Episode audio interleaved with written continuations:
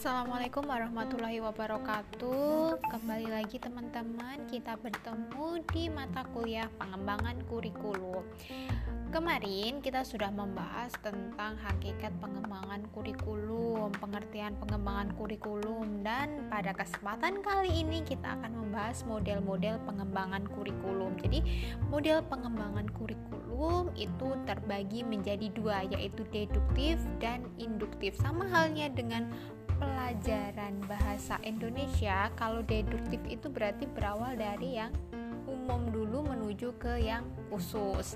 Sementara kalau induktif itu berawal dari yang khusus. Jadi yang terinci dulu baru membentuk suatu yang umum. Nah, dari kedua macam ini, deduktif dan induktif itu ada beberapa model yang termasuk model deduktif dan juga induktif. Yang akan kita pelajari pada kesempatan ini adalah uh, model deduktif itu ada Tyler, Saylor, Alexander, Alexander, Lewis dan Oliva. Nah, terus untuk model induktif itu ada model Taba. Sebenarnya masih ada lagi, masih banyak lagi seperti model William seperti itu, tapi kita uh, akan mempelajarinya sampai ini saja. Oke, mari kita mulai. Are you ready?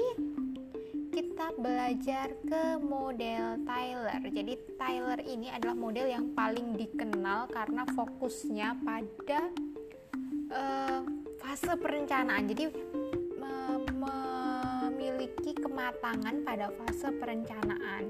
Suatu proses pemilihan tujuan pendidikan dikenal luas dan dipraktekkan dalam lingkungan kurikulum. Itu kalau model Tyler teman-teman mungkin pernah mendengar model Tyler? Ada yang pernah mendengar? Enggak ya? Uh, kalau model Tyler ini sebenarnya kan fokusnya pada perencanaan. Jadi uh, langkah-langkahnya itu juga terfokus pada bagaimana perencanaan kurikulum itu uh, untuk mencapai tujuan. Jadi untuk uh, mencapai tujuan dari pembelajaran. Jadi bagaimana pokoknya rencananya itu harus matang gitu. Nah, dalam Tyler ini dia mengemukakan beberapa pertanyaan uh, untuk mengembangkan kurikulum. Pertanyaan pertama yaitu berkenaan dengan tujuan yang ingin dicapai. Jadi tujuan dari pengembangan kurikulum itu untuk sekolah itu apa? Seperti itu.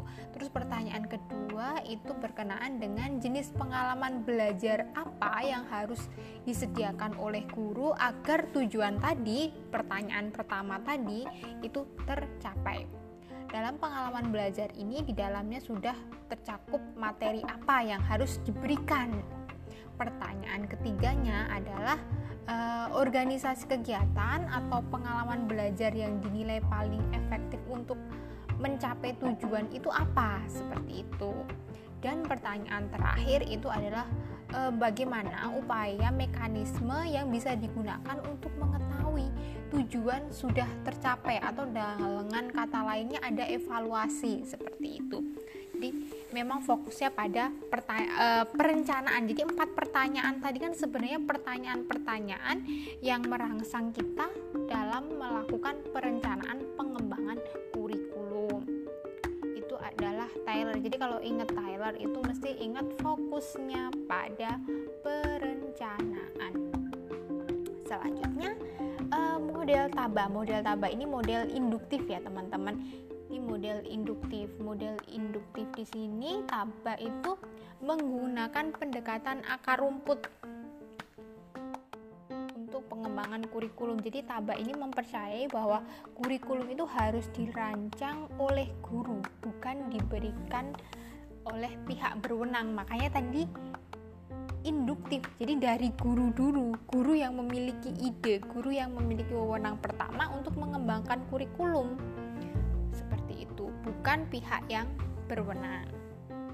Nah dari tahapan model taba ini itu ada beberapa tahapan ada yang tahu tahapannya yang pertama adalah tahapan mendiagnosis kebutuhan. Jadi di sini uh, pengembang kurikulum itu memulai dengan menentukan kebutuhan-kebutuhan anak uh, kepada siapa kurikulum itu direncanakan. Jadi kan anak itu kan adalah yang akan mendapatkan dampak dari kurikulum. Seperti itu. Jadi kebutuhan anak itu apa? Selanjutnya yang kedua adalah merumuskan tujuan. Setelah sudah tahu diagnosa dari kebutuhan anak, maka seorang perencana kurikulum akan memerinci tujuan yang akan dicapai melalui pengembangan kurikulum. Yang ketiga adalah pemilihan isi atau konten ya teman-teman. Jadi di sini uh, yang akan dipelajari itu berpangkal langsung dari tujuan-tujuan yang sudah dirumuskan. Selanjutnya ada organisasi dari konten, organisasi isi. Setelah isi atau pokok bahasannya itu sudah dipilih, tugas selanjutnya itu menentukan pada tingkat dan urutan yang mana e, materi itu ditempatkan. Selanjutnya ada pemilihan pengalaman belajar. Di sini adalah strategi yang dipergunakan dalam bahasan uh, yang harus dipilih oleh perencana kurikulum. Selanjutnya ada organisasi kegiatan pembelajaran. Guru memutuskan bagaimana mengemas kegiatan-kegiatan pembelajaran dalam kombinasi atau urutan. Seperti apa kegiatan-kegiatan tersebut akan digunakan. Jadi prosedurnya itu seperti apa? Tentunya prosedur untuk mencapai tujuan. Selanjutnya uh, ada penentuan tentang apa yang akan dievaluasi dan cara serta alat yang dipakai untuk melakukan evaluasi. Memang setiap uh, akhir itu pasti ada evaluasi ya teman-teman. Jadi di sini perencana kurikulum itu harus memutuskan tujuan yang sudah tercapai itu seperti apa. Guru akan memilih alat uh, dan juga teknik yang tepat untuk menilai keberhasilan anak dan untuk menentukan apakah tujuan kurikulum itu tercapai. Jadi memastikan ketercapaian tujuan seperti itu model taba jadi perlu ini diingat ya kalau model taba itu induktif ini berawal dari guru nah kira-kira kalau teman-teman sebagai seorang guru itu diminta mengembangkan kurikulum. Jadi kurikulum dipasrahkan benar-benar berawal dari teman-teman. Jadi teman-teman itu ya mendiagnosis kebutuhan merumuskan tujuan memilih isi mengorganisasi isi. Semua runtutan itu adalah teman-teman sebagai seorang guru pendidikan anak usia dini yang melakukannya. Kira-kira teman-teman uh, sudah siap atau belum Siap atau belum? Saya harap teman-teman selalu siap ya. Oke, selanjutnya ada model Sailor, Alexander, dan Lewis. Model ini membentuk kurikulum planning proses atau proses perencanaan kurikulum. Nah, ini sebenarnya umum umum ya, paling umum lah, paling umum digunakan.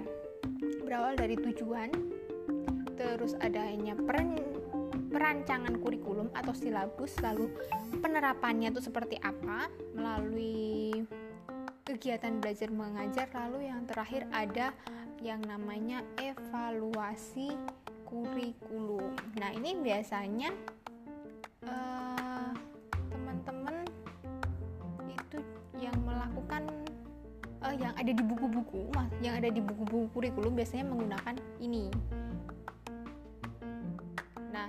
teman-teman, menurut teman-teman, model mana yang paling tepat di antara tiga tadi ya? Nah, model kurikulum Sailor ini uh, di sini itu ada sebuah rencana yang menyediakan kesempatan belajar bagi orang yang akan dididik atau kalau kita anak ya, karena anak usia dini. Rencana kurikulum itu tidak dapat dimengerti sebagai sebuah dokumen, tetapi lebih sebagai beberapa rencana yang lebih kecil untuk porsi atau bagian kurikulum tertentu. Itu model Sailor. Nah, ada tujuan sasaran bidang kegiatan, ada cara pengajarannya seperti apa. Terus yang terakhir tentunya ada yang namanya evaluasi. Nah, yang terakhir kita akan belajar tentang model pembelajaran Oliva. Oliva uh, pada model pembelajaran eh model kurikulum ya maksud saya model kurikulum Oliva ini pernyataan filsafat kebutuhan siswa umumnya kebutuhan masyarakat, spesifikasi kebutuhan siswa, secara khusus, spesifikasi kebutuhan masyarakat khusus, spesifikasi kebutuhan disiplin ilmu, spesifikasi tujuan umum kurikulum, tujuan khusus organisasi dan implementasi kurikulum, seleksi strategi pembelajaran, seleksi pendahuluan teknik evaluasi, implementasi pengajaran atau strategi evaluasi pembelajaran dan yang terakhir evaluasi kurikulum. Nah, teman-teman, pertanyaannya sekarang adalah jadi mana model pengembangan kurikulum yang cocok di PAUD? Sampaikan jawaban beserta alasanmu di kolom chat ya. Terima kasih.